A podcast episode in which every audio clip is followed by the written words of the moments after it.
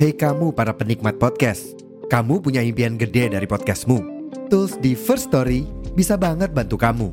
Mulai dari F-Link, Dynamic Audio Insertion, sampai statistik yang komprehensif, semua ada di First Story.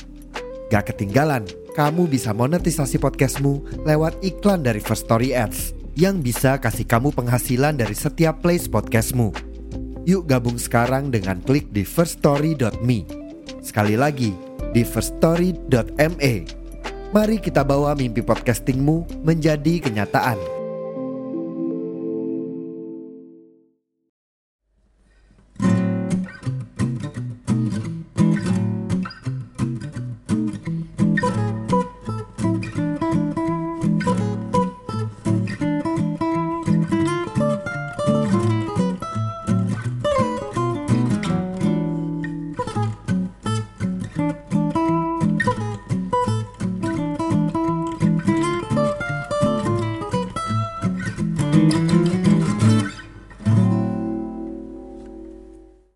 Selamat datang di Optis, obrolan para tifosi sepak bola.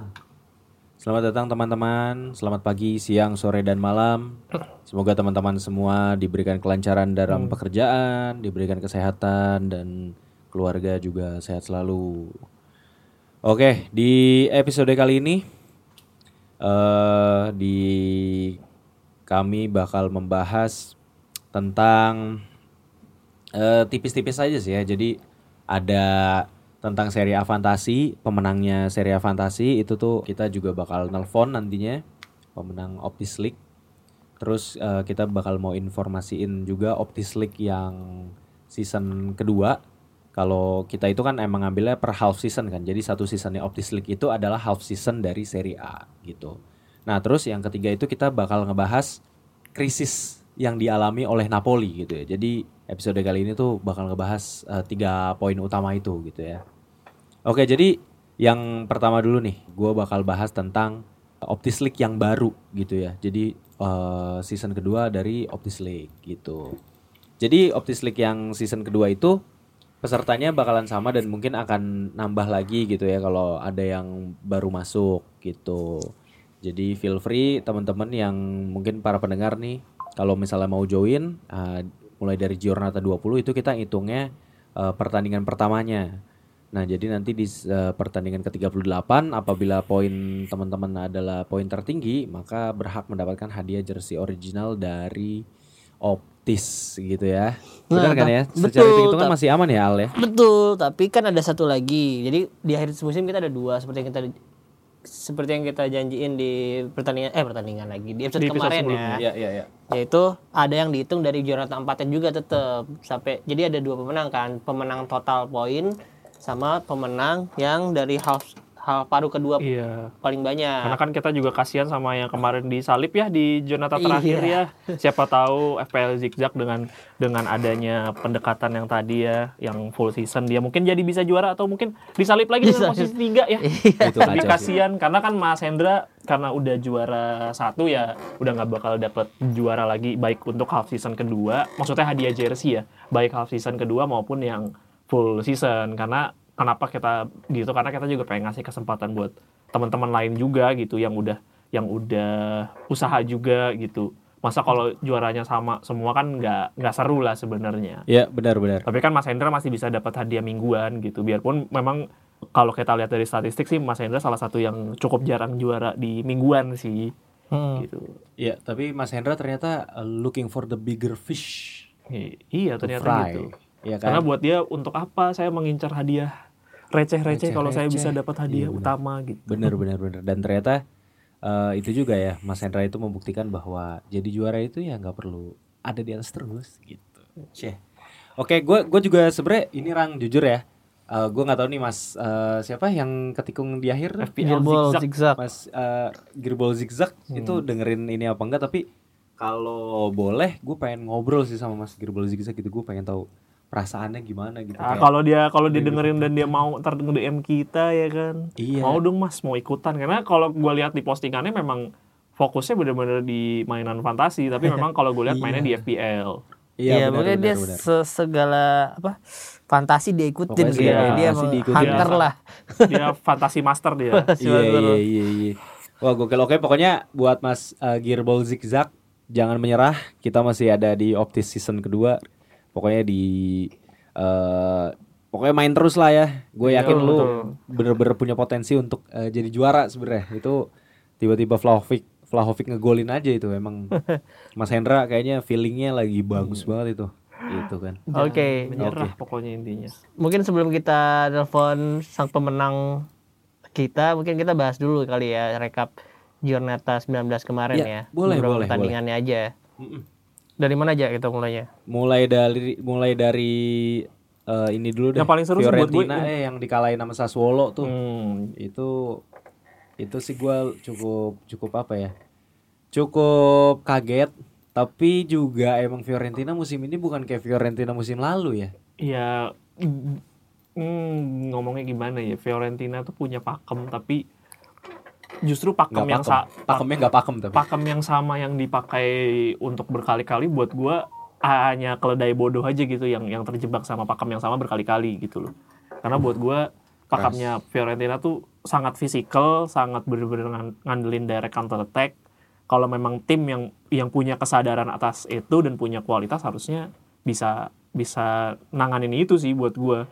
Karena patternnya bener-bener begitu-gitu aja gitu Hmm, hmm. buat gua Vincenzo Italiano dengan dengan attacking footballnya ya sangat-sangat simpel gitu sepak bolanya Mm-mm. nggak ada yang kompleks dari sepak bolanya Italiano ya oke kalau dari lu di sedikit di mungkin Iya, kalau gua sih ngeliat pertandingannya juga ya memang kan Sassuolo mencetak gol di menit-menit awal ya, mencuri gol di awal dari Pinamonti di menit 9. Terus setelah itu memang eh, permainan dikuasai oleh Fiorentina, ada banyak lebih banyak menyerang.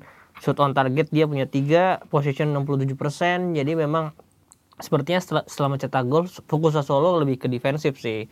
Dan ya yang gua tonton juga Fiorentina seperti yang nggak bilang maksudnya pakemnya itu itu aja dan banyakan eh, pola penyerangan itu dari dari winger dan Iya. ujungnya crossing crossing kemarin sih dia memang eh, untuk line up ya pakai si Zola ya di depan ya eh gua nggak tahu Iya. Zola oh Zola bukan bukan Afrika ya dia Amerika Latin ya kayaknya kayak dia Balazola itu Afrika sebenarnya Oh, iya. seinget gua Balazola itu Berarti- Afrika tapi memang kayak Mem- timnya yang nggak belum. Hmm. lolos timnya nggak lolos deh setahu gua Balazola Angola Angola nggak nggak nggak lolos dong oh iya Zito iya. Zito kan juga Zito Angola Lufumbo, kan. iya, betul. Angola itu nggak lolos ingat lolos Iya, Iya. iya, nggak ada nggak ada di Piala Afrika. Oke, mungkin sedikit aja ya kalau yang Sassuolo Fiorentina tadi kan yang lu bilang ah, ya pertandingan yang seru nih, mulai dari apa? Eh, buat gue lu, Giornata 19 Hellas? Verona Inter sih. Verona Inter seru. buat Iya, gue drama di menit yang akhir menurut gue yang jadi jadi menarik adalah dramanya dan menurut, menurut gue adalah kecerobohan dari official itu sendiri sih. Karena kan di setelah pertandingan akhirnya official juga mengakui bahwa bahwa banyak VAR ya banyak menurut gue bukan cuma kejadian masalah gol terakhir aja sih di buat gue masalah penaltinya yang eh, di bukan yang masalah penalti yang di dapat yang didapatin Verona di menit-menit terakhir. Terus juga buat gue sama eh, golnya Verona juga menurut gue layak Iya. didebatkan juga untuk karena gol maupun itu ya. Iya betul. Itu pun begitu pun juga dengan eh, sikutannya Bastoni buat gua itu konyol sih buat gue yang bagian Bastoni sih memang eh, paling epicnya sih bagian epic dan paling konyol dari dari pertandingan hari itu sih. Makanya buat gua gua nggak nggak bilang ini orang kan selalu ngomong ini marotalik buat gue ini emang kualitas eh, wasitnya seri aja sih buat buat gue ya orang bilang mafia lah Ta- inilah tapi itulah. tapi ada hal yang menarik mungkin lu nggak eh, nggak lewat timeline lu ya Hmm, mungkin hmm. karena di timeline gue tuh ada yang bilang dan emang ini beneran jadi Hmm.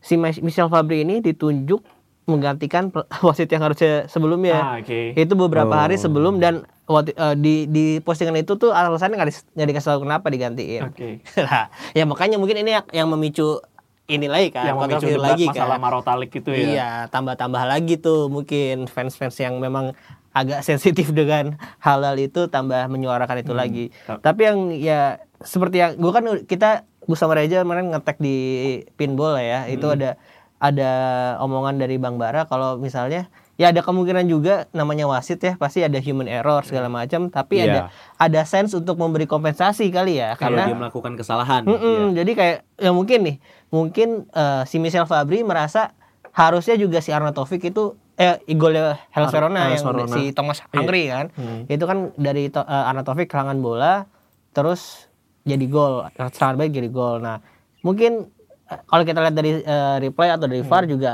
ada sedikit do eh, mungkin dorongannya juga jelas gitu harusnya Iya, mungkin iya, harusnya jelas, pelanggaran jelas. jadi wah gua kira gua harusnya pelanggaran jadi di golnya si Inter yang kedua dia kayak ah tadi gua habis bikin kesalahan kayaknya gua harus balas budi nih. Eh, iya. Nah, habis itu setelah itu yang gol si Vero eh, penalti eh penalti yang didapat Verona Hmm. mungkin balas budi dari kesalahan dia nggak menganulir gol Inter jadi Iya, gitu mungkin kalau dari uh, obrolan kita ya. waktu- waktu itu waktu sama Bang Bara mungkin jadi ya. gue bilang gue gue jadi akhirnya mikir oh ya mungkin juga ya kan mungkin juga uh, itu, itu bisa terjadi gitu mungkin uh, Tapi menurut gue itu berarti kan menge- gitu. me- mengesampingkan profesionalitas yang ada kan. Buat buat gue itu jadi jadi yang itu hal yang jauh lebih konyol lagi gitu yang daripada yang sebelumnya. Kalau memang itu ternyata yang dilakukan adalah kompensasi. Buat gue itu tetap hal yang konyol sih. Karena ketika lo melakukan kesalahan ya harusnya lo make sure bahwa lo nggak melakukan kesalahan berikutnya. dua kali gitu. iya Iya. Dan ini lebih dari dua kali menurut gue beberapa ada mung- mungkin lu ada nggak nggak yang masalah penaltinya Verona yang, Yang Sommer garis,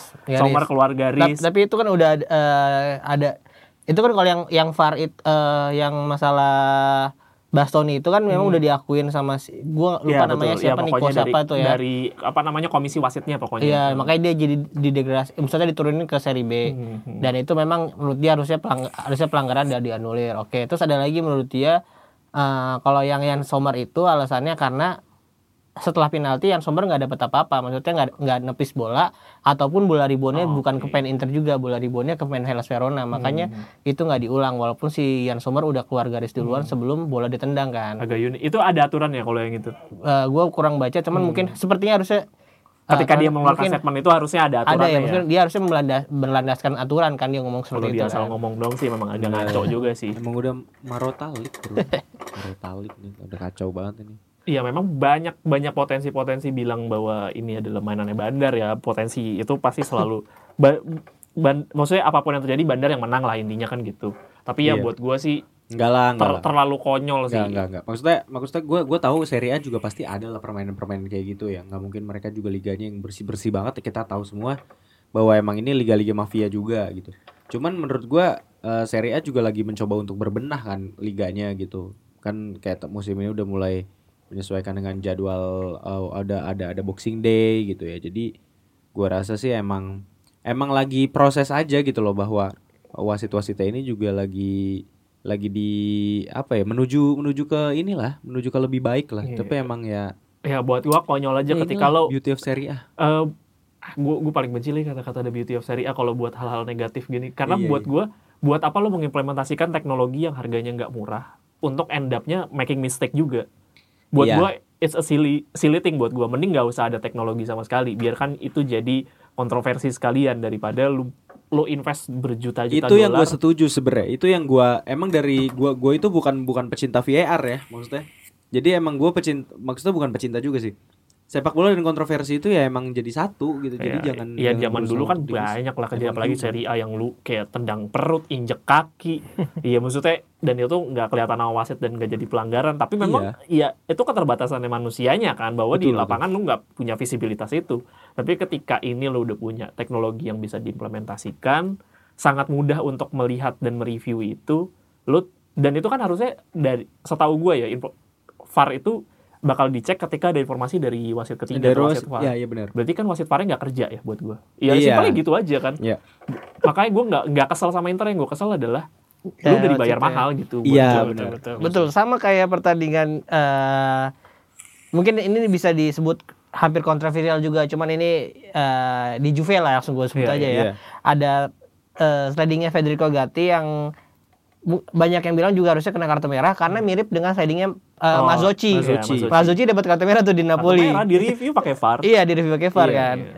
emang VAR itu tajam ke ini ke ke yang Ke, ke bawah kurang karena bayar memang di bawah kan. Napoli kan di bawah kan. Iya. Iya kalau klub atas dia kurang Kurang runcing. kurang runcing ya. Oke udah kita kita menghabiskan eh, 10 menit untuk Inter sendiri nih. Oke lah. Enggak kan bukan Inter yang kita bahas di situ. Oh, iya kita sih, justru kita yang membahas adalah bagaimana kinerja ofisialnya Serie Iya, A benar, yang benar, buat benar. gua karena waktu itu kan gue bilang bahwa official Serie A lebih bagus daripada Premier League. Ternyata Premier ya sama-sama sampah juga. Ternyata iya. Ternyata eh, tajam ke bawah, tumpul ke atas. ternyata. Iya. Sama aja.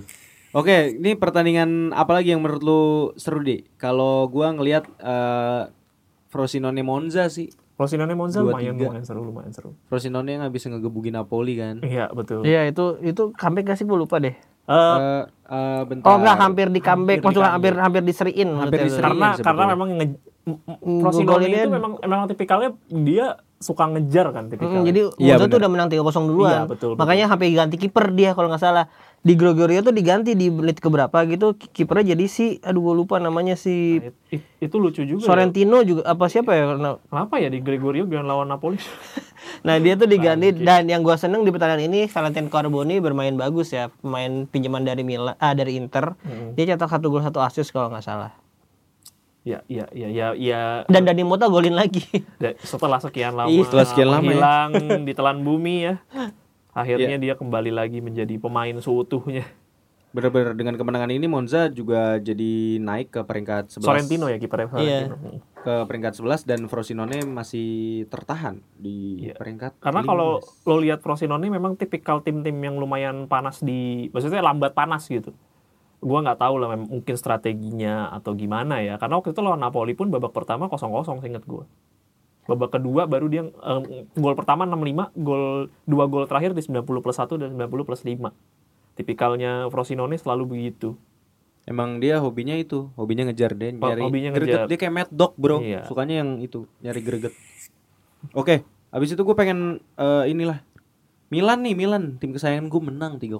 Bagus bagus. Itu bagus kok. Iya, bagus. Traore. bagus bagus itu Bagus. yang ya buat Berisik. di situ highlightnya lebih ke bahwa Pioli akhirnya berani menurut gua bukan berani akhirnya terpaksa untuk memainkan pemain-pemain muda Iya, ini gue respect sih sama sama pemain mudanya Milan nih bukan Hmm. Piolinya. karena buat gua kalau kalau tidak ada kejadian badai cedera ini sih buat gua ya tidak tidak ada kemungkinan untuk seorang pemain-pemain yang back kirinya siapa Kim namanya Back kirinya si yang pemain muda itu, Yang pemain muda Giancarlo Simic itu. Giancarlo Simic bukan di tengah Apa Bartesagi? Ba- bukan Bartesagi seka- beda lagi Siapa? Jimenez Jimenez. Jimenez Oh iya, kiri dia Jimenez itu. ya ya tidak tidak mungkin ada kesempatan bagi seorang Jimenez untuk bisa bermain bersama berseragam Milan di musim ini sih buat gua ya Iyalah. Po- Ya, Caka Traore karena kemungkinan iya ketika memang pemain-pemainnya sehat semua sih buat gua nggak bakal ada kesempatan sih Ya, ini jadi blessing in disguise juga buat Milan bahwa sebenarnya jadi kelihatan gitu Milan punya pemain Primavera yang potensial. Gue masih bilang ini potensial, potensial ya, lah karena nggak bilang bagus lah panjang kok maksudnya iya, karena pembuktian masih untuk panjang. dia bisa jadi bagus tuh lu mesti lihat dia berseason season kan dua tiga bener. musim Lu punya konsisten. konsistensi nggak di dunia profesional ini gitu kan? Ini kan maksudnya kayak masih bocah umur 18 tahun gitu loh, Kong. Jadi nggak dengan satu satu pertandingan lu bikin salto terus dibilang goal of the year terus lu dibilang jadi pemain hebat nggak iya gitu. iya nggak nggak kayak gitu nggak kayak gitu. Dari kayak siapa ya itu ya? Kayak siapa yang bikin gol salto terus dibilang oh itu Garnacho. Garnacho, Garnacho. Kenapa gue mau ngecengin orang gue lupa sendiri orangnya siapa? Si Garnacho, aduh kalau Garnacho, tapi lu bilang Garnacho mainnya bagus. Ya untuk Akhirnya. usia segitu ya oke lah. Terus main berseragam tim salah satu tim Nggak disupport. tam, tim besar tapi ya ya kualitas Garnacho-nya nggak disupport apa dianya nggak nyupport? nggak nyuport banyak kan lari Hoylund sprint kan kagak jelas. ini, Hoylund kan jadi Hoylund bisa gabut. Hoylund gabut eh ini sorry ini podcast Serie A Iya, sorry, ya, sorry, ya ini podcast itu itulah kurang lebih buat gua menurut gua sih highlightnya di Milan lebih ke situ ya karena lawan lo Empoli enggak sih Iya benar benar benar. Empoli yang masih struggle juga ya mungkin nggak ngomongin poli-poli satu lagi tuh yang Oh, kalah 3-0 ini eh, Empoli berarti Salernitana ya Enggak, gue mau bahas poli-poli itu terakhir nih. Gue pengen minta Apa tanggapan seru? Juve. Juve Juve. masih menghantui Inter gimana di ya dengan main yang gitu-gitu aja. Eh, gue expecting kemarin seri ya karena ya ya eh Salernitana juga pasti nggak akan mengulang yang kedua kalinya. Dia Eh, diulang. habis dibantai sama Juve 6-1 eh diulang. Eh ternyata eh, sebenarnya dia golin duluan kartu kan? merah tapi kan. Iya gara-gara kartu merah si Maggiore itu mungkin sedikit merubah pertandingan juga sih. It's a silly thing buat gua. Betul. Maksud gua eh, udah tahu dapat kartu kuning kan? Dia Gua- kartu iya, kuning dua kali kan? Iya, gua gua nggak tahu mindsetnya uh, Filippo Inzaghi itu cara berpikirnya gimana ya? Ketika lo dapat keunggulan defensive stance-nya itu jelek banget buat gue. Cara cara mereka bertahan, cara mereka untuk melakukan pelanggaran, cara mereka untuk ngepres buat gue berantakan banget itu karena kejadian ketika lawan Milan. Buat gue ketika Hmm. lo unggul cara lo bertahan kayak dia nggak punya DNA bertahan tapi ya nggak cocok gitu. Buat gue nggak cocok aja. At Iya, least lu harus menemukan cara belajar, kan? bertahan lu aja sih buat gue ini ini buat gue masih belum ketemu formula yang tepat sih. Ya pada akhirnya kan akhirnya kebobolan di menit-menit akhir lagi. akhir Dan- lagi dan gue ngelihat Juve-nya juga sebenarnya ya itu kan yang udah udah unggul 11 10 satu pemain di menit ke 53 ya hampir. Jadi babak babak kedua baru main nggak nyampe 10 menit udah udah unggul pemain gitu. Tapi yang nyerangnya gitu-gitu aja maksudnya dia membombardir memang secara position menang banyak hampir 70 30. Cuman ujung-ujungnya finishing eh, final pass-nya dari crossing lagi, crossing Iya, crossing betul. crossing walaupun memang akhirnya gol terakhir tercipta dari crossing juga iya, sih. betul crossing juga. Cuman itu yang yang attempt keberapa kalinya kan Iya, itu. dan itu yang buat gue jadi jadi lumayan aneh aja sih lu untuk melawan 10 pemain dengan defensive stance yang buat gue B aja numpuk main di belakang yang positioningnya juga kadang suka nggak rapet juga ya bu ya lu harus butuh waktu 9 hampir 45 menit lebih untuk bisa membobol gawang pemain yang isinya 10 pemain Ya doang itulah gitu. Juve bro, dia emang mainnya gerinta aja, udah mainnya Iya. gerabak gerubuk aja, yang penting serat, serot, seradak seruduk. Ya, gue sih, Tidak ada gua sih cuma berharap ya memang Inter yang juara di musim Inter atau Milan yang juara di musim ini supaya at least fans Juventus juga sadar bahwa tim lu ya emang di situ-situ aja gitu. Iya benar-benar, gue berharap sih. Maksudnya kalau ini sampai Juve lagi juara sih emang Buat gue mundur. ya udahlah ya kayak, aduh sayang banget deh. Buat gue seri A jadi mundur. Nah kalau Milan tadi kan punya Stefano Pioli, nah ini ada Nap Sepato- kalau Naples Stefano punya Mazzari. Napioli, Napioli. Kemarin kan Az- Azari kemarin Az- yang iya. yang kan Mazari ada di atas masih kayak di akuarium Azarinya. Iya, Jadi yang di bawah ada. Azari. jadi bahan Ah, tertawaan. asisten Mazari. Oh iya anjir baru Mazzari. connect gua. Nah, ini gua menarik nih, menarik nih, menarik nih. Ini bahas Napoli jujur menarik banget. Eh mungkin pertanyaan kan di beberapa episode lalu gua eh, nanya ke Rangga ya apa yang salah dengan Napoli. Nah, sekarang gua udah mulai tahu nih teman-teman. Kesalahan di Napoli nih di nih informasi buat lu juga di. Jadi eh sebenarnya gini, gua baru baca juga nih berita di The Athletic ya. Ini menarik nih dikupas lumayan detail lah ya itu bahasan Napoli di situ. Jadi ada ada ada beberapa kejadian unik nih. Waktu lawan Roma, waktu lawan Roma itu katanya kalau dia yang ditulis di artikel yang gue baca itu si Walter Mazzari itu tuh harus menjelaskan kenapa dia kalah gitu. Gue nggak tahu harus jelasin ke Aurelio Aurelio De Laurentiis. eh apa namanya? ODL. Aurelio De Laurentiis. Aurelio Di Laurentiis atau ke siapa lah gitu. Atau ada juga berita yang bilang emang dia mau eh, ketemu sama keluarganya di eh, dekat-dekat Roma situ lah, mungkin nanya lowongan pekerjaan gitu kan. Iya. Tapi intinya dia itu ketinggalan sama bis timnya. Jadi akhirnya dia ah, harus naik taksi. Dan ada fotonya juga kan dia Ah, ngerokok. ah, ada ada ada videonya juga, ada videonya juga. Jadi dia lagi nge dia nge-vape gitu kok yang rokok elektrik yang Oh, ada elektrik, gitu iya. yang biasa diisep sama Ripo. Gua- ah, Ripo itu pengen- teman gua- kita ada. Gue pengen nyebut mereknya tapi jangan belum ada brandnya. Jangan belum ada brandnya ya pokoknya lu tau lah ya yang ada puntungnya gitu rokok elektriknya tuh. Karena Nah, itu juga dipakai sama dia pas lawan Torino kemarin. Ah, ah, ah. Nah itu terus dia di bawah pohon kayak nge kayak nggak tenang gitu asli deh. Ini emang teka- ternyata tekanan tekanan eh, apa tuh Liga Eropa tuh gede juga ya. Maksudnya emang kelihatan banget gitu. Ya kalau dia sadar tekanan Liga Eropa sebesar itu ngapain dia ngambil? Iya ngapain dia ngambil dan Napoli juga baru juara gitu kan. Nah itu ada kejadian unik pertama. Nah terus kejadian eh, unik yang kedua nih, bukan kejadian unik sih sebenarnya ini lebih ke berita unik. Jadi pas gue baca gue agak tergelitik gitu ya. Jadi Napoli setelah juara kemarin kan kita tahu ya teman-teman ya sentuhannya, cara permainannya eh, anak-anak eh, anak-anak Napoli ini gitu ya pemain-pemain Napoli ini udah nggak udah nggak seperti musim lalu gitu. Nah ini eh, akhirnya ada juga pengakuan dari Aurelio Di Laurentiis bahwa dia ngomong gini, iya gue salah, Eh gue menunjuk Rudi Garcia dari di di awal musim untuk menggantikan Spalletti karena jujur eh, ekspektasi gue itu eh bermain apa tuh Rudi Garcia itu eh, membawa tim ini bermain seperti era Spalletti itu udah cukup buat gue gitu ya. Tapi gue juga eh, mengakui bahwa gue salah. Rudi Garcia itu ada ngomong ke gue katanya. Rudi Garcia itu ada ngomong ke gue bahwa gue itu nggak ada loh eh apa tuh nonton pertandingan Napoli eh, Bro Laurentiis di musim kemarin nih waktu dipegang sama Spalletti gitu. Nah terus si Aurelio Di Laurentiis ini kayak nggak percaya gitu terus dia ketawa doang gitu. Tapi akhirnya tetap nunjuk ke Rudi, Rudi Garcia. Nah inilah jadinya Kong. Ini sebenarnya apa? Ini sebenarnya tim apaan sih Kong?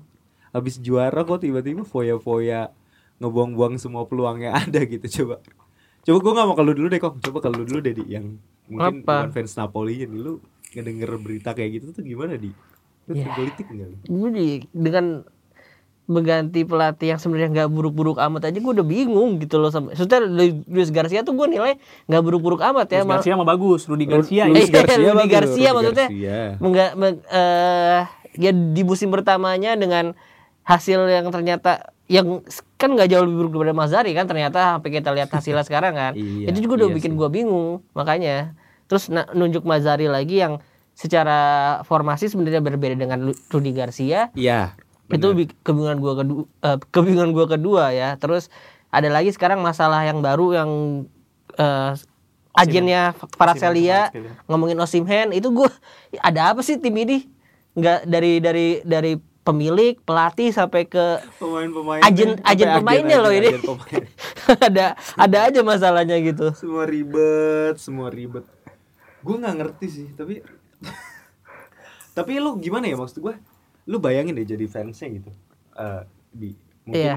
mungkin kalau di Indonesia kan Rangga doang nih yang kita tahu ya sama 15 orang Hmm. 14 orang lainnya ya abang-abangan abang-abangannya Rangga gitu Iya. tapi gimana ya lu habis tim lu juara lu punya Itu sih, ekspektasi iya, iya. ngepromosiin Nap- from Iya. Napoli to the world gitu ya ada ada tagline tagline gitu From, terus from Napoli to the slum.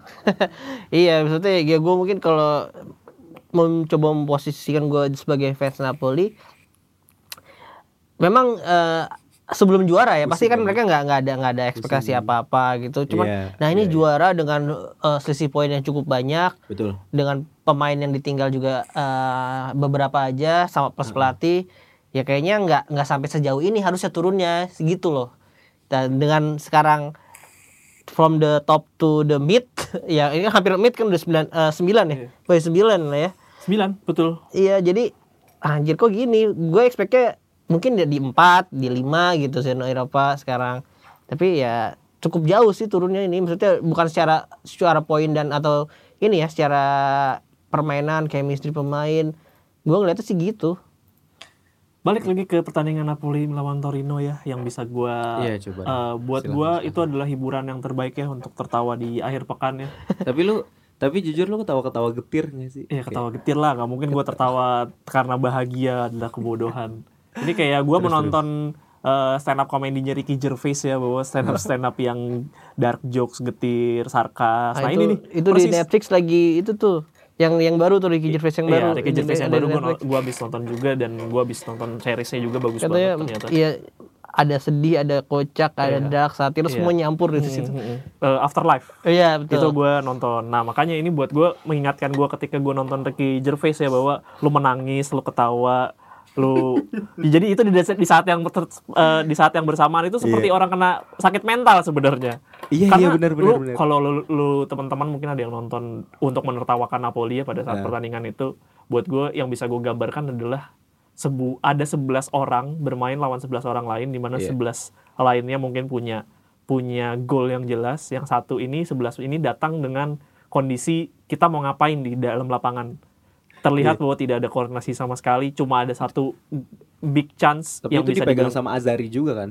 Asisten Eh, Azari. ya kan? Nicolo Frustalupi. Jadi Nicolo Frustalupi ini mantan asisten pelatihnya eh sorry, dia ini adalah eh, pelatih eh, U20-nya eh, head coach-nya U20-nya Napoli. Oke. Jadi ditarik sebagai asisten pelatihnya Ah, Mazzari. Walter Mazzari. Karena mungkin dengan harapan ya lu gue kenal lu dari lama juga karena Iya. Frustalupi orang lama juga. Mungkin dengan harapan lu bisa ngebantu nge- nge-branding gue juga di back back office.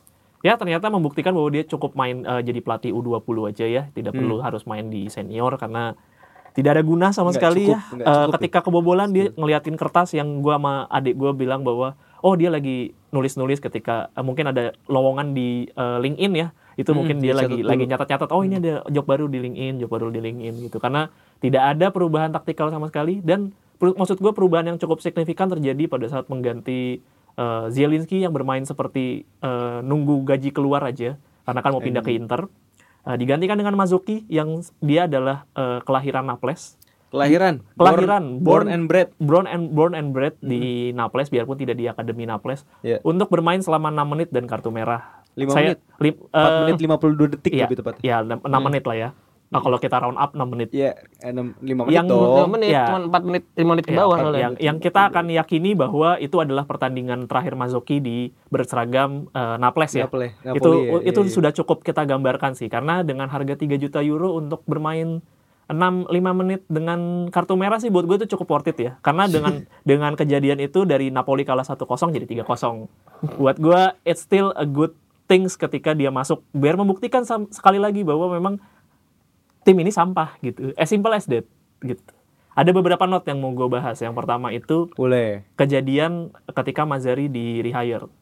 Orang-orang di Naples bingung karena terakhir statementnya Aurelio De Laurentiis tentang Mazzari pada saat pindah ke Inter itu adalah eh, ketika gue punya pacar, terus gue eh, pacar gue pacar gue cabut, terus dia pindah ke laki-laki kaya lain, ya buat gue sih dia is a whore eh, and I won't eh, visit and meet him anymore. What happened next? Ya, he meet the whore. so, Iya, iya. ya makanya menurut gue Jadi kayak menurut gue beyond a joke lah Eh, buat gue ya mungkin yang kalau teman-teman mau cek di Indo Napolitano buat gue gue banyak komentar di situ lah di season is a joke eh, transfer yang dilakukan padahal Mazuki itu di Salernitana cukup krusial lah buat gue perannya di di Iya, Salernitana le- musim ini lagi bagus makanya Iya, dibeli kan. makanya, di musim ini bagus dan cuma Sampai menggeserkan Dreva ke kiri, ke kanan, ke depan, ke depan gitu. Makanya Iya betul. Karena kan waktu itu tiga empat tiganya Filippo Inzaghi juga ber- berporos di Mazoki kan di kanan. kan. Mhm. 3 juta euro bar- bargain dong, transfer Bargain, bargain dong. Tapi untuk 5 menit kartu merah sih buat gue it's a beyond a joke lah. Buat gue sih yang lebih joke adalah menempatkan Mazoki sebagai gelandang menggantikan Zielinski di mana lo tahu di Napoli itu ada orang namanya Deme gitu. Gue kasih tahu aja nih, maksudnya takutnya Mazzari takutnya lupa gitu. Ini mungkin Mazzari lagi bingung mau dengerin apa. Mazzari jadi ini ada namanya Diego Deme yang gajinya itu 3 juta euro per season. Kalau mungkin Mazzari lupa bahwa itu dan pemain 3 juta per season itu baru main sekali musim ini, takutnya lupa. Oh saya ada pemain namanya Diego Deme gitu, takutnya lupa nih. Dua ada juga namanya eh, Gianluca Gaetano. Iya. Nah itu pemain aslinya Naples. Napoli Naples juga ya. Mungkin Mazzari lupa juga mungkin, saya ingetin. Itu ada namanya Gianluca Gaetano. Nah itu dia bisa main di gelandang juga, saya kasih tahu nih, takutnya lupa dia juga. Ada lagi mungkin pemain Primavera Coli Sasso itu mantan eh, Primaveranya eh, Milan itu bisa dipakai tuh orang Afrika juga. Jadi ya kurang lebih itu informasi-informasi yang bisa saya sampaikan ke Mazari kalau sekiranya dia lupa bahwa atau eh, Nicolo Frustalupi lupa karena lagi sibuk nyari job kan di LinkedIn. Iya Nah benar-benar. itu mungkin beberapa hal lah yang bisa gua highlight tentang Napoli lawan Torino karena banyak yang ingin saya omongin tentang Napoli banyak tapi buat gua still it's a beyond a joke eh, bu- yang tadi yang diomongin masalah asisten eh sorry eh eh, agennya Kvaratskhelia sama Osimen kalau gua jadi Napoli maupun jadi asis eh, jadi Kvaratskhelia udah pasti agennya gue pecat Iya marah-marah juga kan Iya. si Ag- Dan Kvaratskhelia iya, ini. si Osimhen ini sampai udah nyebut namanya jelas. Iya, Osimen tuh nyebut nama dan dia benar-benar sampai swearing gitu, udah bukan udah bukan kata-kata politis lagi swearing Iya. gitu. Eh, itu menurut buat gua ya ini udah semuanya mess up gitu. In every level ini udah ini gue kalau udah kesel biasanya gue ngomong pakai bahasa Inggris soalnya karena kalau gue pakai bahasa Indonesia banyak kata-kata kasarnya jadi Kasar- kayak iya, terlalu kasar iya, ya. is Iya, everything is a mess up buat gua. Pokoknya intinya intinya Napoli ini emang udah nggak tahu akar permasalahan bukan nggak tahu akar permasalahan di mana ya.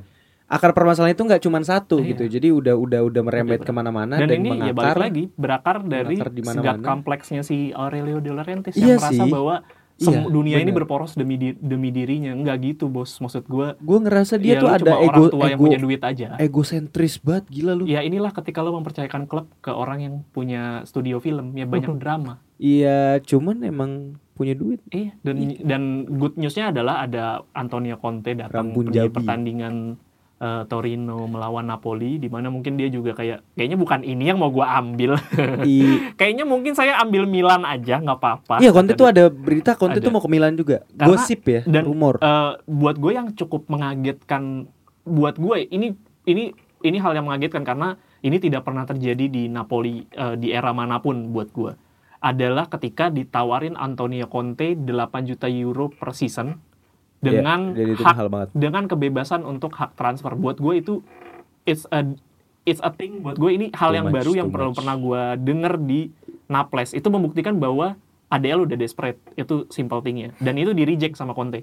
Dia karena dia nggak mau di mid season Hmm, padahal Iya, iya. sebenarnya ya Conte itu ya untuk gaji di Italia itu udah paling tinggi, tinggi, paling 8 juta. 8 juta tuh paling Soalnya waktu di Inter itu Iya. tinggi. Eh, eh, sekarang Simeon Simeone Inzaghi tuh di mm, tujuh setengah. Tujuh, tujuh setengah bareng dan- sama si Mourinho. siapa? Sama di bukan Allegri. Allegri. Iya, Allegri Mas- sama Simone yang Allegri. lebih Iya. yang paling tinggi sekarang. Ya waktu di Inter juga segitu angkanya dan demand-nya di atas tujuh setengah nggak dikasih sama makanya dicabut dan 8 yang juta. yang terpenting adalah dia bisa eh, itu loh apa yang tadi demand Bebas- bisa bebas ngatur transfer. bebas transfer Nah, Bebas. itu yang nggak ada bisa dapat di Inter dia makanya dicabut. Ini nggak pernah di Napoli tuh even pelatih se- sebesar ya, gue bukan bilang sekelas karena kelasnya memang cukup banget. Eh, sekelas Carlo Ancelotti itu gajinya jauh di bawah itu dan tidak ada hak bebas transfer di di zamannya Ancelotti. Itu pelatih terbesar di eh, eranya Napoli kan ya itu kan maksudnya yang nama besar gitu karena Iya. Spalletti kan bukan nama besar sebenarnya mesti diakui Spalletti juga di Serie A ya mediocre level Spalletti tuh ngegantiin siapa sih ngegantiin si Gattuso, Gattuso apa Rino sih? Gattuso, Gattuso kan? gantiin Gattuso. Gantiin Di mana Gattuso pindah ke Fiorentina nggak nyampe dua minggu, part ways kan. Akhirnya dia pindah ke Valencia waktu itu. Iya benar benar. Ya itulah maksud gua banyak hal-hal yang buat gua gua jadi sebenarnya malas gak malas sih buat harus harus riset lagi tentang Napoli karena memang situasinya memang lagi sekacau itu gitu. Sekacau dan seancur itu ya gue cukup berharap ya nggak memalukan aja sih. Season ini nggak nggak berakhir memalukan aja cuma itu doang harap. Semua fans gue gue ngobrol sama komunitas di luar juga mereka ya ekspektasinya udah nggak amat besar lu. At least lu selamatin muka lu aja gitu. Iya, tapi sebenarnya sebenarnya ada kemungkinan gak sih Rang? Kayak Mazari tuh bakal dipecat terus digantiin lagi sama dia udah ngajuin baru? resign kemarin. Udah ngajuin resign. dari yang kekalahan 3-0 lawan Torino ngajuin resign langsung tapi tapi si man- eh, general GM-nya itu si aduh gue lupa namanya itu dia bilang bahwa ya kita masih percaya dengan Mazari Eh, bu- mungkin itu kata-kata politisnya tapi buat kata gue "Eh, kami tidak punya pilihan lain jadi Iya. ya mau nggak mau ya lu kelarin kerjaan lu udah bikin malu Iya, lu- justru lu, kelarin dah Iya, Na- Napolinya yang belum punya pilihan kayak Iya. eh, ntar dulu nih nggak ada yang ngerjain ini siapa? nanti gitu kan. Ini Prustalupi nih mas-mas ini lagi nyari kerjaan di LinkedIn. Lu lagi mau nggak mau cabut. Sporting gitu. director Napoli namanya namanya Mauro Meluso. Mauro Meluso Mauro ya. Meluso. Gua gua nggak tahu backgroundnya dia siapa. Ya yang pasti ya bagus lah lu kerja lu dapet kerjaan di Naples nggak ngapa-ngapain. Ya, Oke. Jadi mungkin untuk rekap serinya gitu aja kali aja ya.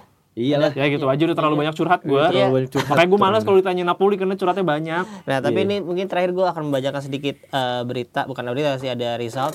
Ini adalah eh, Ital Press, kalau kalian tahu Italian Press itu membuat dia Apa tuh? di akhir- di paruh musim ini dia nanya ke seluruh pe- pelatih ya. Ada tiga pertanyaan. Apa tuh? Wah, Pertama, Spill dong, Kak. surprise team so far. Kedua, surprise player so far. Ketiga, who will wins the Scudetto. oke. Nah ini dari eh, seluruh pe- pelatih ini yang dapat result terbanyak, maksudnya dari dapat voting terbanyak. Untuk pertanyaan pertama, uh, surprise team so far, Bolonya dengan 11 Iya. votes. Hmm. Iya. Kedua, surprise player so far, Zirkzee dengan 7 vote. Zirkzee oke. Yang ketiga, siapa yang akan menang Scudetto? Inter 12 vote. Oke. Nah, Sense gua, sebelum gue memberikan beberapa jawaban yang menarik dari pelatih-pelatih, gue pengen nanya ke ya ke, ke kita semua lah ya. Dari tiga pertanyaan itu siapa aja? Kalau dulu kali aja. Gue sama Oh. semua. Sama Gua- semuanya. Kalau gue sama semua. Kalau gua eh, untuk tim so far Ya ini surprise, Bolonya sih. su- surprise Bolonya. bisa jadi jel- paling jelek. Maksudnya eh, ekspektasinya di ya bisa jadi harusnya bagus jadi jelek, jadi jelek jadi bagus. Iya, ya, tapi gitu. kalau eh, apa Ini kan apa, in the good the ways lah, most kalau ya, gua bacanya the most kayak the good surprising, the most surprising team ya Bolonya kalau gua. Karena kalau misalnya gua kaget-kaget ya ada Sassuolo, Fiorentina yang menurut gua sebenarnya tempatnya nggak di situ gitu, lebih buruk gitu. Hmm, Salernitana pun ada di dasar klasmen buat gua itu di luar ekspektasi gua. Maksudnya Salernitana paling enggak ya di di di di, di atas zona degradasi lah gitu.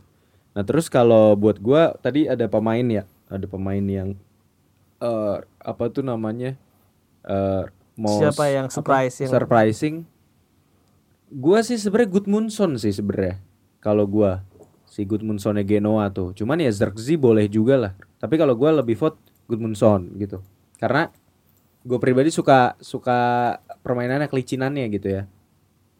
Ada lagi sebenarnya pemain kalau misalnya yang eh lumayan ngagetin buat gue ya si itu sih kipernya Monza sebenarnya si Gregorio. Gregorio Tapi kan di musim lalu musim lalu musim lalu juga bagus sih. Menurut gue Iya. kalau harus harus milih lagi surprise player sih buat gue Marcos Thuram sih.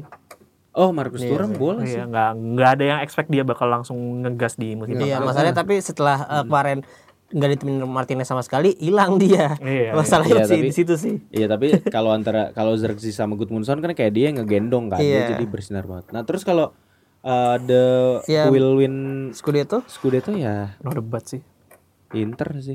No no debat debat. kalau itu. No debat ya, tapi itu pun juga vote cuma 12 dari Iya. 20 sih. Iya, tapi eh, tapi ini ada enam enam pelatih yang nggak jawab yaitu ada Mourinho, Sarri, Allegri, Palladino, Gilarino dan Thiago Motta. Mungkin nggak nggak sempat lah waktunya itu ditanyain. Jadi untuk jadi kan kurang 6 harusnya ada 14 ya. Dua Iya. tim yang dipilih itu adalah eh Inzaghi nggak answer. Simone Inzaghi nggak jawab. Inzaghi. Terus Ranieri jawabnya Juve. Ranieri di Juve? Ya Iya. karena kan dia ya Juve banget lah. Enggak di Ranieri Dia itu Roma banget. Roma banget sebenarnya. Mungkin dia nggak mau Inter menang kali. Tapi lu sama berarti orang. Sama. Kayak yang di banyak manajer ini Sama, jawab ya sama. lah ya. Hampir hampir sama. Iya, karena gua- itu lo- logik banget sih. Iya, kalau Tapi gua hati gue tuh pengen Milan gitu tetap juara. Ntar siapa tuh Inter Eh, tapi dengerin dulu. cedera. Tapi dengerin dulu. Kalau eh sebelum itu gua gua sama juga. Mungkin kalau ya tadi bener kalau in good ways bulunya kalau in the bad ways ya Napoli yang bikin surprise Iyalah. sama gua surprisein sih musim ini. Nah, ini jawaban pelatih lu nih, Pioli. Lu mau tahu nggak? Nomor satu jawabannya adalah eh Bolonya bener. Heeh. Dua Gudmundsson. Oke, sama sama Ketiga di dia jawabnya Inter. Tai emang. Pioli jawabnya Inter. Pelatih Kontoru. Tahu nggak berarti lo sebenarnya lo sama Pioli udah punya kesamaan. Kontoru. Sama ya, jawaban gue juga Sama, Inter ya. iya, Oh, sama berarti gue karena memang kualitasnya memang di situ. Enggak, tapi babi. Kualitas dia- pelatih pelatih babi kuali- kayak gitu. Berarti dia satu visi tapi kualitasnya memang di Padahal Nggak. masih di peringkat tiga gitu, tapi dia udah udah, udah bisa bilang "Wih, situ. Ya, ya enggak lah buat gua buat gua itu itu common sense lah maksud gua ya lu kan bilang bilang potensi enggak usah dibelain lah, Kong. Enggak usah dibelain lah. Gua nggak ngebelain tapi maksudnya Nggak, nggak ya kalau lu ngomong Milan lu dicibir satu media aja gitu namanya Nggak. halusinasi. Iya, tapi tapi tapi gini sih. Bisa Sama, Kak. jadi juga, bisa jadi juga sebenarnya itu strategi-strategi psikologisnya Iya, Pioli bisa bener. Buat gak ngasih tekanan ke pemain Milan. itu yang Iya. pertama Betul, dan betul, kedua untuk bikin Internya sendiri lengah gitu. Ya Maksudnya iya, kan kayak memang. kan uh, Allah di Al-Qur'an ini bilang ya bahwa pujian-pujian yang berlebihan itu tidak baik gitu ya untuk manusia. Nah, ini sengaja nih dikasih Masalahnya in- pujian-pujian in- Inter juga tertinggi tidak biar se- tidak senyaman Napoli musim lalu gitu karena gap ah. poinnya masih pe- masih mepet banget. Mati lu Inter lu. Iya. Tapi Kalau ya Napoli memang musim lalu kalau Iya. Kepleset kepleset 6 Jornata baru kalah kan, makanya Iya. terlalu jauh. Ya tapi Inter sih kalau gua ngelihat ya Inter tetap sangat berpeluang lah gitu. Gua maksudnya eh, ngelihat itu wajar juga. Tapi kalau untuk Pioli ya gua kesel mah kesel ya. Cuman bisa jadi juga kayak gitu sih. Dia menghindari dia dihujat dan emang mungkin ngasih ngasih apa ya less pressure ke anak-anaknya dan juga ngasih tekanan juga ke Inter sebenarnya kan. Ya, Maksudnya ekspektasi itu juga beban kan Iya sebenarnya. betul Ran? betul betul. Iya kan sih? betul, betul. Ya makanya si Inzaghi juga nggak jawab pertanyaan terakhir tadi. Dia, Iya, eh, dia- siapa yang akan menang Scudetto dia nggak jawab. Cuman jawaban dua yang lainnya tim yang bikin kejutan Frosinone, player yang surprising Xerxes juga. Ya, Xerxes. Frosinone lumayan mengejutkan lah Iya. buat tim-tim oh, besar. Gue suka si Sule itu, gue mengejutkan buat gue si Sule itu, si Sulenya. Tapi kan Sule kan memang udah lumayan oke kan dari zaman. Kalau Gasperini jawabnya pemain Ederson, Ederson Atalanta. Justru Atalanta ya karena dia baru juga di Terus musim ini kan. tim yang bakal Ju- menang Juve kalau Gasperini. Terus eh, mungkin siapa lagi? Mazari jawabnya Bolonya, Xerxes Inter. Pipo jawabnya Bolonya, Buongiorno. Iyalah kalau dia jawab Napoli gue pukulin pala ya bener-bener dah. Terus yang menarik ada eh, Ciovi ini pelatihnya Empoli ya? Empoli. Eh apa Udinese lupa gua. Ciovi itu aduh lupa gue. Udinese kayaknya Udinese. Lupa lupa lupa. Nah itu jawabnya Frosinone Payero pemainnya Udinese, pemain Udinese sendiri saudara. Dah gitu. Terus Gitu, Inter. Nah untuk teman-teman yang mu- mungkin mau tahu list lengkapnya kalian bisa langsung ke ins- eh, twitternya IFTV official ya dia udah udah nge-recap langsung tuh di situ jawaban-jawaban dari para pelatih. Oke. Oke, itu aja untuk episode kali ini Iya, kita akan nelfon langsung ngobrol-ngobrol ya. sama ngobrol-ngobrol sama Bang Hendra Bang ya. Hendra, ya Oke, coba kita langsung. Ya, langsung aja kita telepon.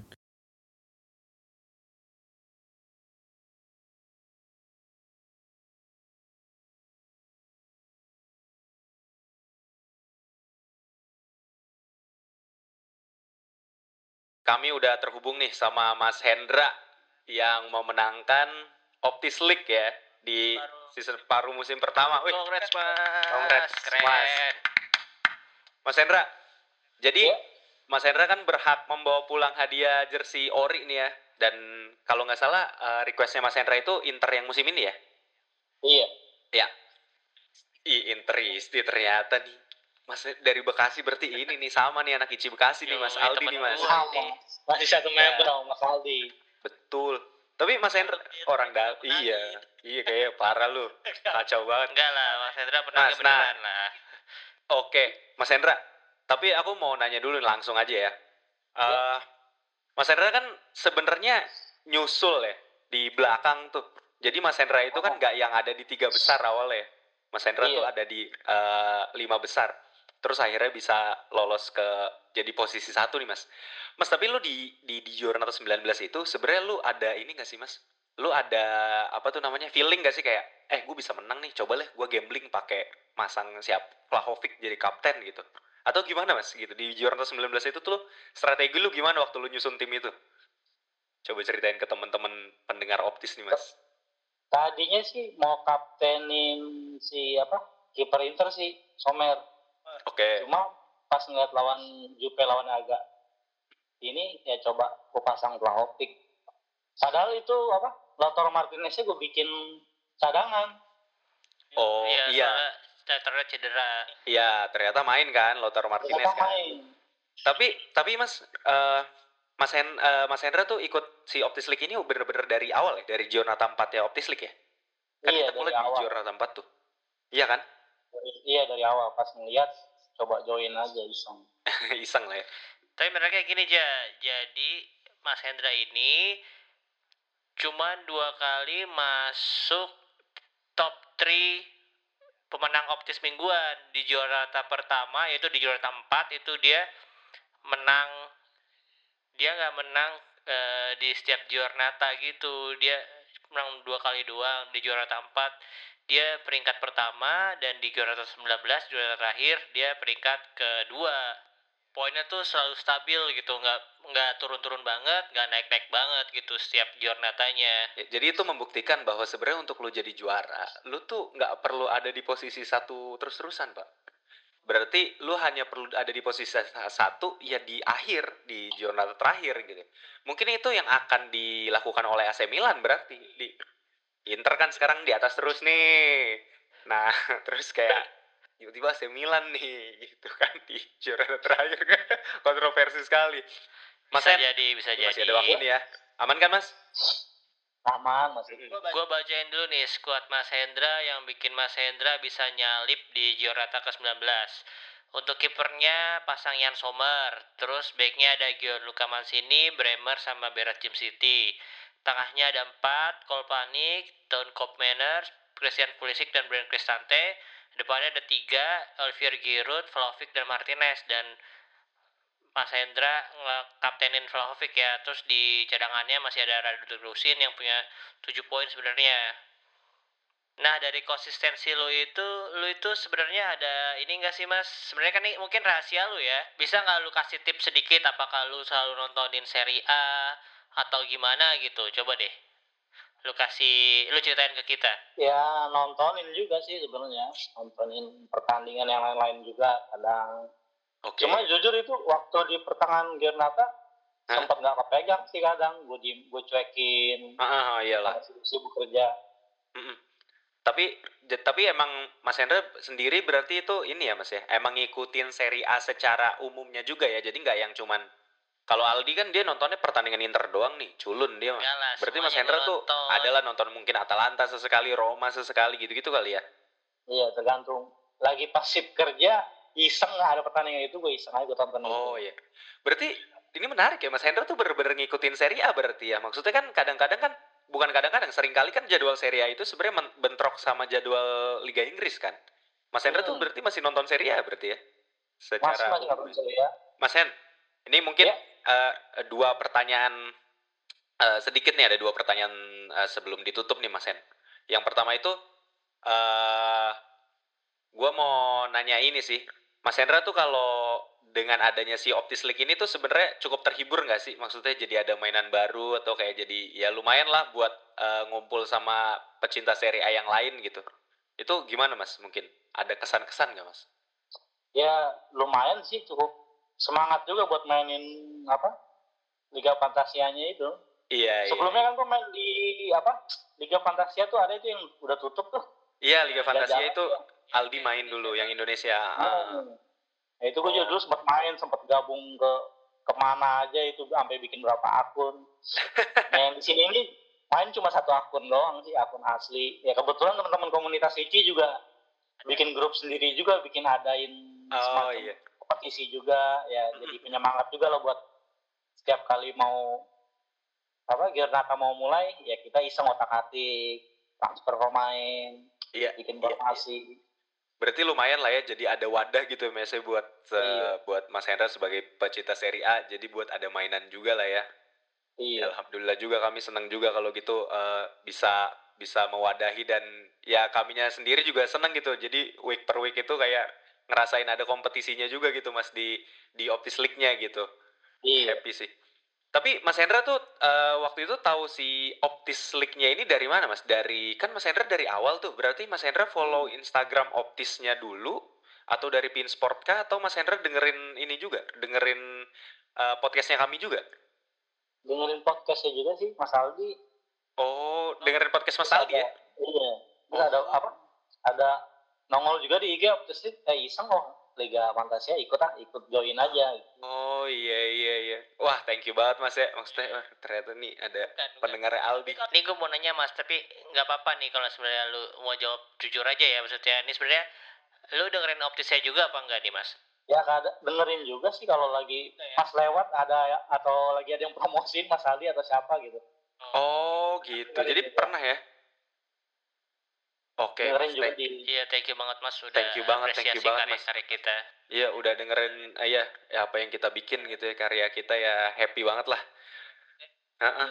Selain bikin tujuan kita sih sebenarnya selain bikin kompetisi buat seru-seruan juga sebenarnya ya sebenarnya kita pengen ngajak teman-teman pecinta seri A buat ngaj eh, ya main seri A seri fantasinya sama juga eh, supaya dengerin eh, podcast kita juga gitu biar jadi wadah lah buat para pecinta seri A dan kalau misalnya Mas Hendra suka podcast kita gitu ya kita berharap kalau Mas Hendra bisa share lah podcast ini ke teman-teman Mas Hendra gitu walaupun Mas Hendra kan sebenarnya suka Inter sukanya ya tapi di sini kan kita juga bahas tim-tim selain Inter ada Milan, Juve, Napoli dan kadang juga tim-tim yang tim-tim di klasmen bawah lah ya Jadi ya itu sih happy. Mungkin ini pertanyaan terakhir nih Mas. Ini agak personal.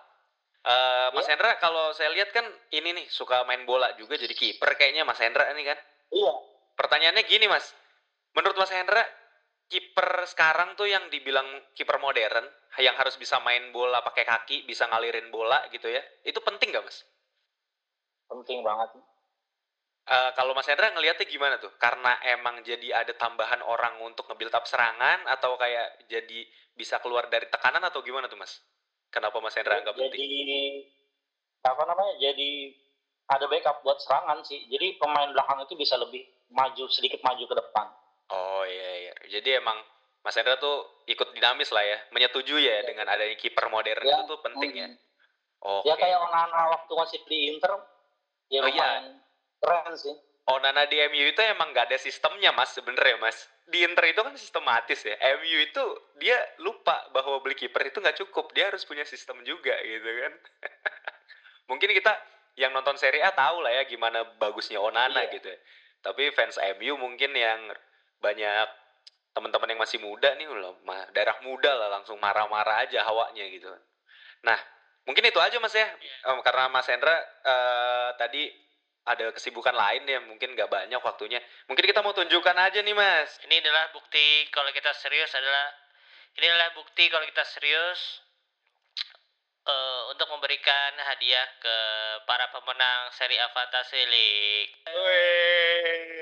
Congrats buat Mas Hendra. Ini adalah jersey Inter yang Inter musim ini. musim ini. Oh, Ini original ya? Ini original, ini bukan punya gue ya mas ya, punya gue tagnya udah gue potong. Iya, ini ada tagnya. Dibeliin sama Rangga. Bener, ini baru dibeliin nih. Amar. keren keren, keren. itu nggak bisa dikirim aja ke Mas. Aldi Kalau ini dirasa tidak asli, Mas Hendra bisa langsung kontak seller di Iya. Tokopedia ya. Iya, iya mas. Bener mas. Kalau dirasa tidak asli boleh dihubungi lagi kami. Oke Mas Hendra, itu aja Mas. Sukses terus buat eh, pekerjaannya, apa eh, buat semoga sehat juga Mas Hendra dan keluarga gitu ya. Tapi satu mungkin ini gue pengen eh, minta satu dari Mas Hendra masukan atau saran bagi kita secara optis podcastnya atau optis di seri A Fantasy League-nya. Ada nggak Mas? Kayaknya nggak ada sih, udah udah keren semua sih mas. Menurut gua. Alhamdulillah. Eh, maksudnya update-update eh, klasmen-klasmennya tuh cukup ya Mas ya? Iya. Cukup informatif ya dari kita ya. Udah cukup sih. Jadi kayak eh, tim yang baru masuk atau orang yang baru masuk itu ya dihitungnya pas dia baru masuk. Oke. Nggak langsung yang poin total dia di Liga Fantasinya. Iya benar benar benar itu memang kita masih kalkulasi sendiri tuh mas karena di fantasi seriannya nggak ada ya. Ya karena kita ngasih privilege juga lah untuk teman-teman yang join kita emang dari awal gitu. Ya udah Mas Hendra itu aja. Eh, salam kenal Mas Hendra. Eh, Iya, salam saya kenal. Reza ini Aldi dan ada si Rangga di sana. Mungkin ya kalau Mas Hendra pernah dengerin Optis ya dan sesekali lihat konten-konten Optis di Instagram juga gitu. Eh, sehat selalu buat Mas Hendra ya. Kalau gitu kami pamit ya Mas, Ya. kami tutup ya. Yuk. Iya, Thank you Mas thank you. Hendra. Thank you, Mas. Assalamualaikum. Mas. Assalamualaikum. Waalaikumsalam. Ciao.